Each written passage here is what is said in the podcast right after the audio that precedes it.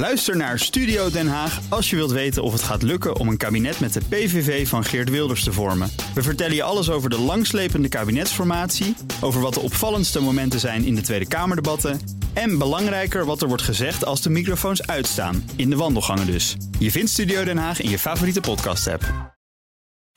BNR Digitaal wordt mede mogelijk gemaakt door SecureLink. SecureLink, safely enabling business. BNR Nieuwsradio. BNR Digitaal. Herbert Blankenstein. Welkom bij BNR Digitaal. Straks gaan we het hebben over hoe webwinkels moeten dealen met ladingen aan retourzendingen. Maar eerst om te voorkomen dat bots meedoen aan enquêtes of zomaar e-mailaccounts aanmaken of de cloud leegplukken. Uh, zijn captcha's bedacht. Eenvoudige testjes die de mens kan oplossen terwijl de computer dat niet kan. Maar steeds vaker worden captcha's zo ingewikkeld dat de mens er niet meer uitkomt. Terwijl de robot ze juist gemakkelijk oplost. Bij ons is Jan Terpstra, beveiligingsdeskundige bij DXC Technology. Welkom Jan. Goedemiddag. Menno Wij is er ook al voor een onderwerp uh, dat we straks gaan behandelen over de retouren. Ja. Jan, uh, de technologie achter die captcha's, uh, leg uit hoe werkt die? Um, je krijgt een wat versleuteld tekstje. Of je krijgt een wat vreemde foto en je wordt gevraagd om daar patronen in te herkennen. De gedachtegang erachter is dat wij als mensen dat intuïtief zien. Hè. Je ziet een kriebeltje en je ziet dat het de letter P is. Of je ziet een foto en je herkent ja. meteen het verkeerswoord of de bushalte. En de computer is slecht en de computer. Zou, da, zou, dat theoretisch gesproken minder goed of niet kunnen? En daarmee zeggen. kun je onderscheid maken. Uh, wordt dit uh, formuliertje op een website of de loginpoging gedaan door een mens of door een machine? Ja. Alleen de, uh, de, machine learning, de artificial intelligence, is inmiddels zo goed. Uh, en daar zijn we zelf ook een beetje debet aan geweest. Uh, dat het voor sommige mensen al niet meer herkenbaar is. En dat ze op blokjes klikken waar nou net dat ene stukje van de bumper wel of niet in staat. Omdat je een auto moet herkennen op een foto van Google.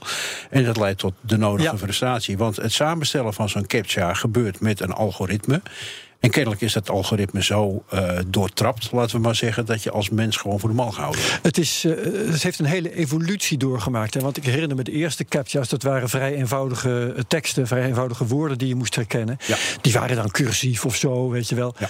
Of een sommetje uh, oplossen. Op een gegeven moment werden ze in de knoop gelegd. Het werd steeds gekker tot je het als mens nauwelijks meer voor elkaar kreeg. Ja. Toen zijn ze met die foto's begonnen.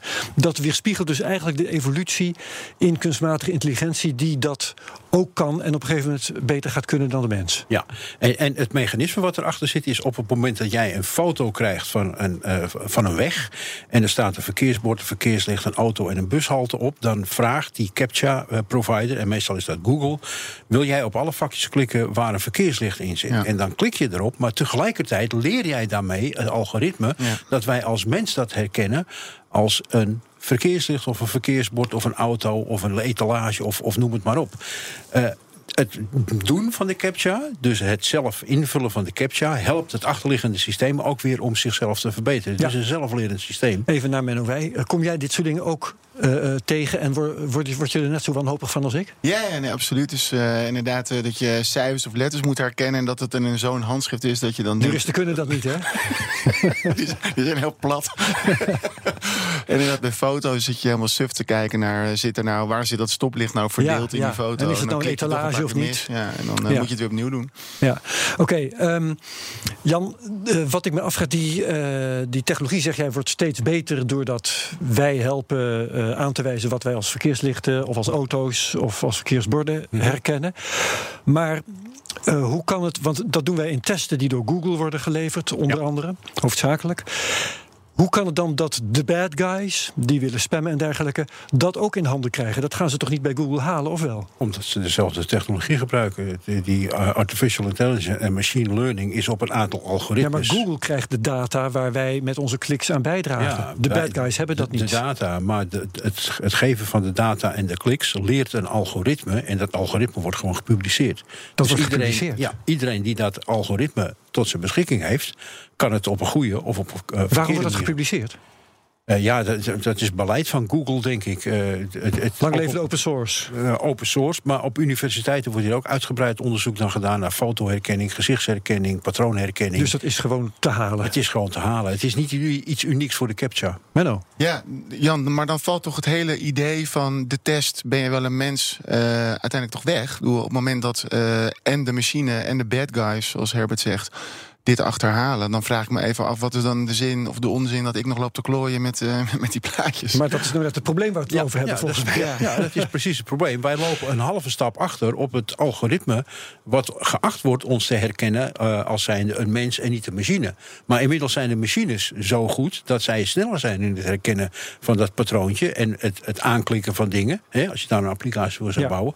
dan dat wij menselijkerwijs gesproken zouden kunnen. Want wij En is moeten dat trouwens even- ook te merken aan een toename van het aantal spamaccounts bijvoorbeeld? Eh, want want de, als de bad guys dit intussen kunnen en minstens zo goed kunnen als wij... dan zou ook het probleem dat die captcha's moeten, moeten voorkomen... dat zou moeten toenemen. Ja, eh, niet zozeer het aantal spam-accounts, maar met name het aantal pogingen tot identiteitsfraude zie je wel stijgen. Omdat eh captcha's vaak ook gebruikt worden van: ben jij een mens en mag jij inderdaad deze password reset doen? En als je dat in een geautomatisch systeem, zou moeten doen, dus eh, wachtwoorden onderscheppen, ja, dan. En je hebt nog dat oude captcha-systeem.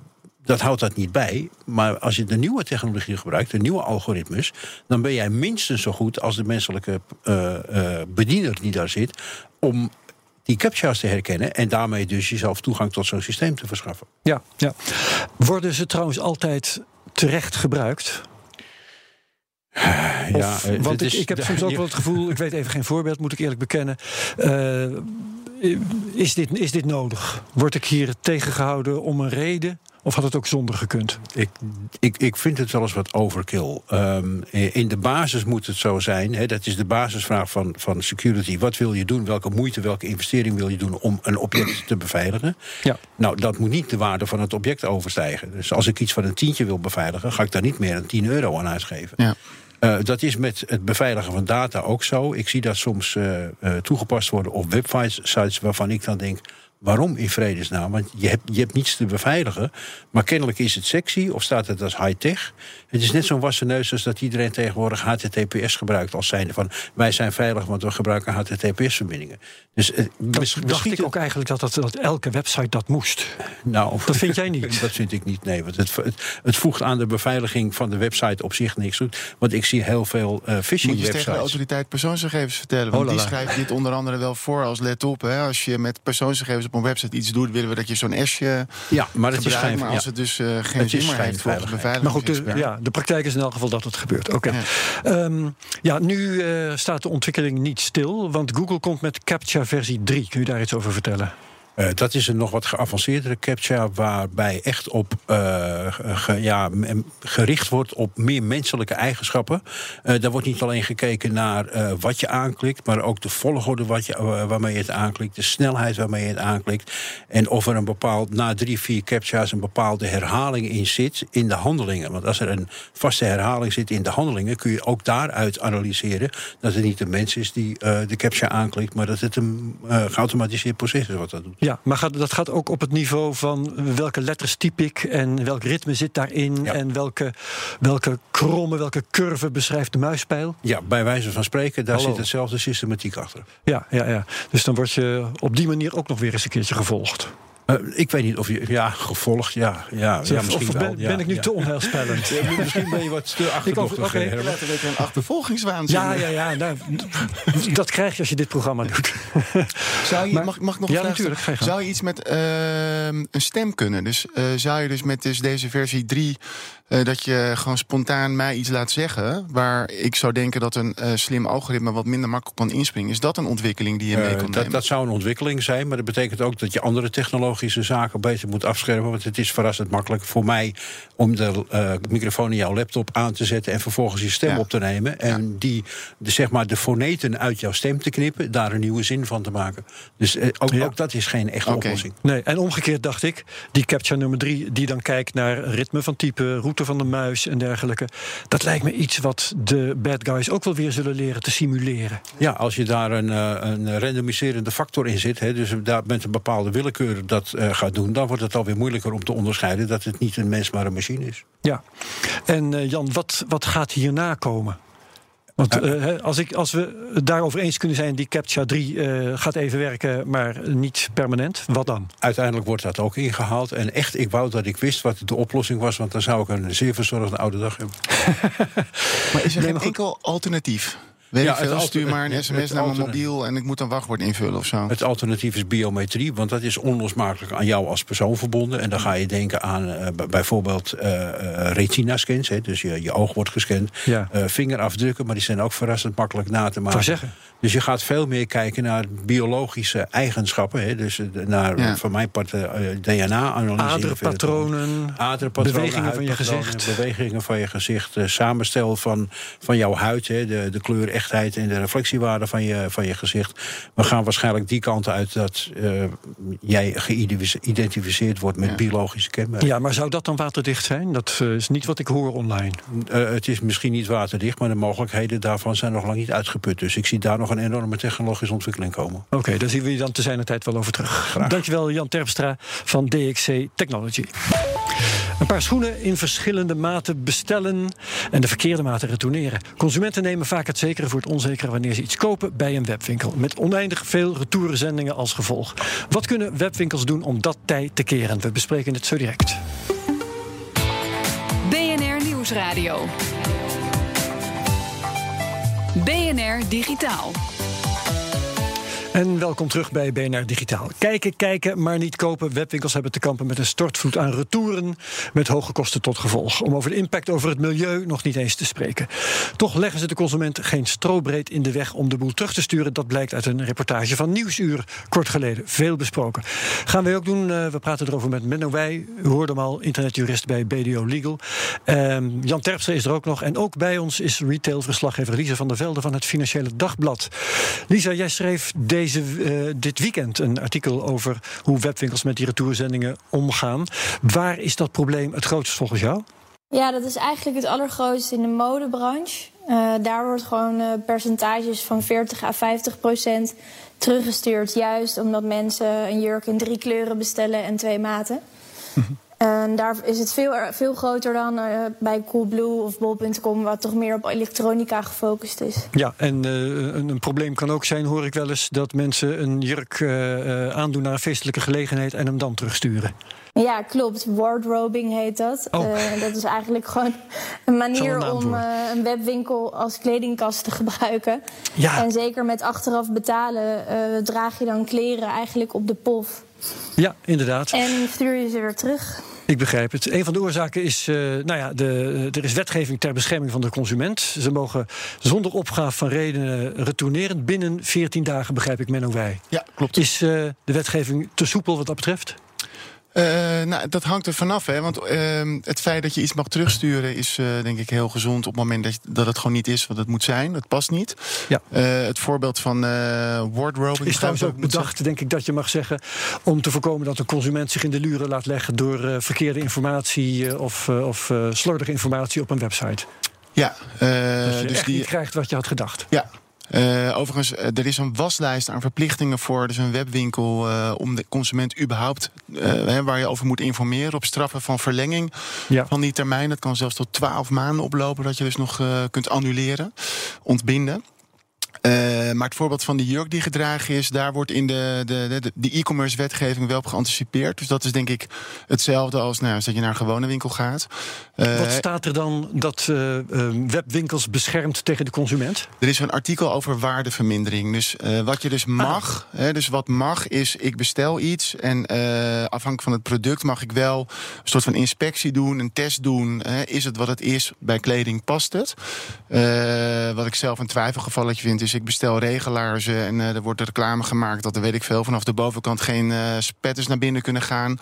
Kan ik dan dat testen door even in een regenplas uh, flink te stampen en kijken ja, of mijn voeten ja. niet nat worden? He, daar zit een twijfelgeval. Maar is er sprake van waardevermindering, dan is de consument daarvoor aansprakelijk. Dus dat is gewoon wettelijk verankerd. En denk ik op dit punt dat het niet wezenlijk anders is dan dat je vroeger naar een gewone winkel ging en de volgende dag zei het zit toch niet zo lekker. En hem stiekem ook had gedragen bij Ja, ja, feestje. ja. Lisa, nou eh, blijkt uit de verslaggeving van de laatste tijd dat bij retailers angst bestaat voor slechte reviews. Hoe groot is die angst? Ja, die is uh, waarschijnlijk erg groot. Je ziet dat retailers elkaar heel erg in de houtgreep hebben. Als jij wel verzendkosten en retourkosten rekent, dan zijn ze zo weer naar een ander. En daar ligt ook een beetje het gevaar. Uh, als mensen daarover gaan klagen in reviews, dan is uh, het heel makkelijk om over te stappen. Ja, ja, ja. en, en uh, men is bang voor uh, beschadiging van het imago. Hè? Wat voor uh, slimme oplossingen kunnen webwinkels nou inzetten om dat probleem van die retour een halt toe te roepen?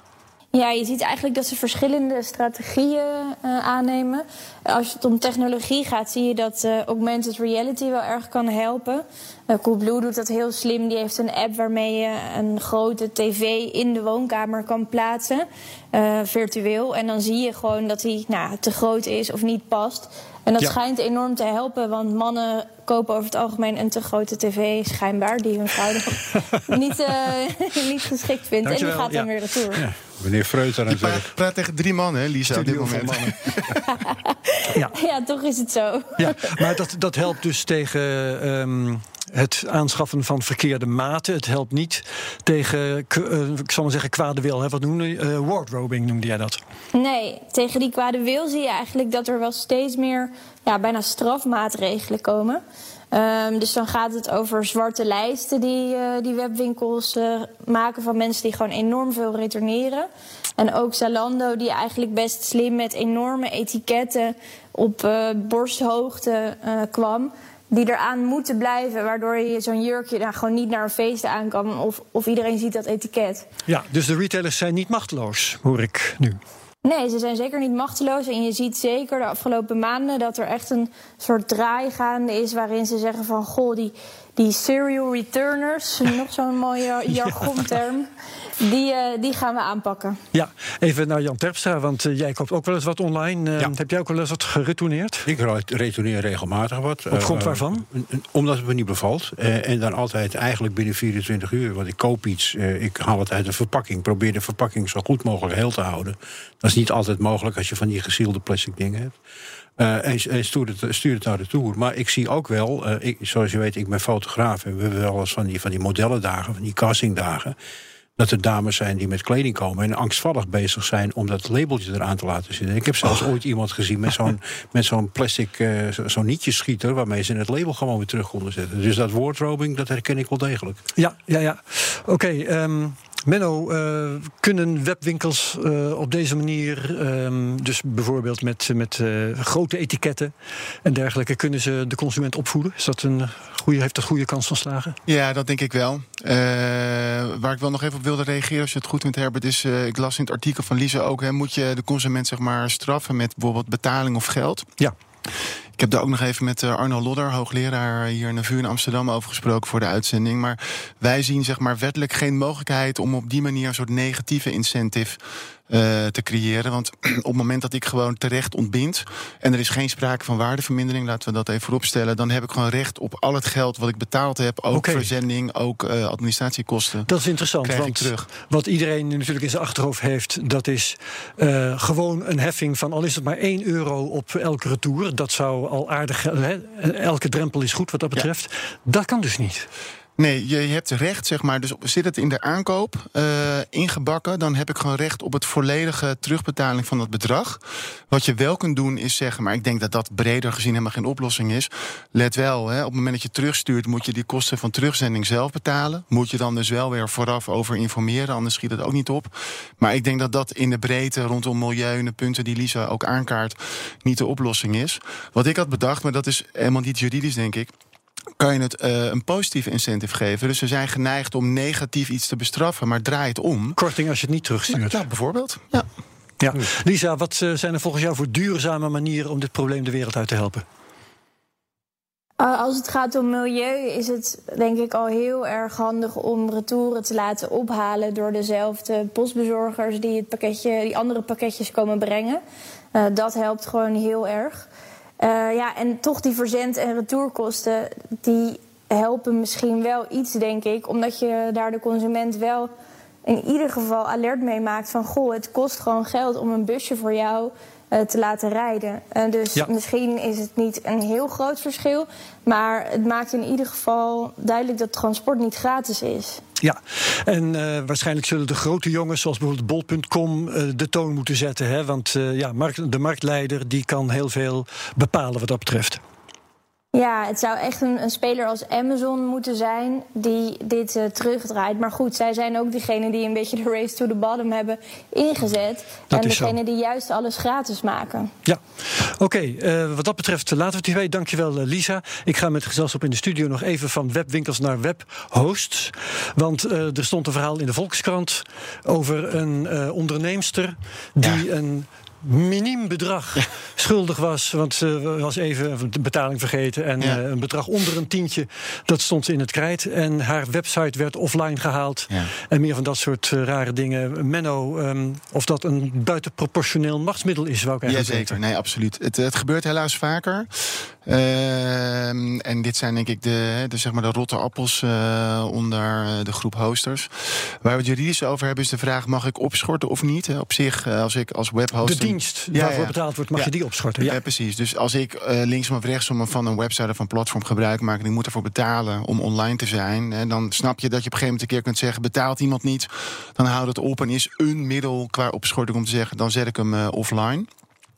Maar ik denk dat dit echt een heel schrijnend geval is. Het ging over heel weinig geld. Uh, ik begreep dat er gesteggel was over die incassokosten. Daar kun je ook nog een hele Het, het verschuldigde bedrag was vergoed, maar de onderneemster vond uh, de, hoe heet dat dan in zo'n geval, Ja, incassokosten de of zoiets, was iets van 40 euro. zelf al buitenproportioneel Ja, en weigerde die te betalen. Toen ontstond daar een conflict over enzovoorts. Nee, dan kan je dus dit niet doen. Er is een, uh, een uitspraak van de rechtbank in Rotterdam, Europsyche voor de liefhebber, al een paar jaar geleden. Uh, waarin de rechter toen, vind ik, een goede norm heeft neergelegd. Gaat het, en daar ging het ook nog eens om een bedrijfskritisch iets. Hè, dus een partij die uh, boekhouding bijhield en facturen moest sturen via zijn webapplicatie. Uh, gaat het om een onbetwiste factuur? Dus heb ik überhaupt niet geklaagd over een factuur, dan nog steeds moet je iemand nog een soort van laatste waarschuwing geven en zeggen: let op, eh, als je nu echt niet meer betaalt, uh, dan na een termijn van toen, ik meen twee weken, dan kunnen er maatregelen volgen. Uh, daarnaast denk ik dat uh, je andere manieren hebt om wel pijn te laten voelen. Je zou kunnen zeggen: je kunt alleen gegevens inzien, maar er niet, je ze niet meer bewerken. Dus een soort van bevroren omgeving. Hè? Dus je Ja. maakt het statisch in plaats van dynamisch. nou ja, dit moet echt het ultieme laatste middel zijn. En nogmaals, rechters straffen dit af als onrechtmatig. Hè? Ja. Disproportioneel. Ja, maar dan moet je als uh, klant moet je wel weer uh, um, rechtsmiddelen inzetten. En dat is ook weer duur. Ja, nou. En overigens wou ik meteen ook nog vragen. Uh, nu heeft de klant ook nog reputatieschade geleden. Want die website is weg geweest en zo. heeft in de krant gestaan, wat niet allemaal. Kun je daar dan nog een schadeclaim voor indienen? Ja, dat kan altijd. Hè. Dus Ja. de, de grondslag is er. Uh, Claimen dit- kan altijd, heb ik eens horen zeggen. Ja. Klopt. Ik wilde er niet zo verschrikkelijk juridisch antwoord Ja. geven. Maar er is, om je vraag te beantwoorden, is natuurlijk een grondslag. Gaat het te ver? Ja, dan is het onrechtmatig, dus aansprakelijk. Je moet wel aantonen wat die schade is. Dat is niet zo makkelijk. Oké, bedankt Menno Wij, internetjurist Ja. bij BDO Legal. Lisa van der Velde, verslaggever bij het FD, ook bedankt. Jan Terpstra, beveiligingsdeskundige bij DXC Technology, ook hartelijk dank. gedaan. Tot zover BNR Digitaal. Laat weten wat je van ons programma vindt. E-mailen kan naar digitaal.bnr.nl en volg ons op Twitter, BNR Tech. Terugluisteren kan via bnr.nl, de app, iTunes, Spotify. Ook vind je daar mijn andere podcasts, waaronder bijvoorbeeld Space Cowboys deze week, Menno, over ruimterecht. Heel graag wat BNR Digitaal betreft. Tot volgende week. Dag. Ook Harm Edens vind je in de BNR-app. Je kunt BNR Duurzaam niet alleen live luisteren in de app, maar ook terugluisteren als podcast, zoals al onze podcasts. En naast dat de BNR-app Breaking News meldt, houden we je ook op de hoogte van het laatste zakelijke nieuws. Download nu de gratis BNR-app en blijf scherp.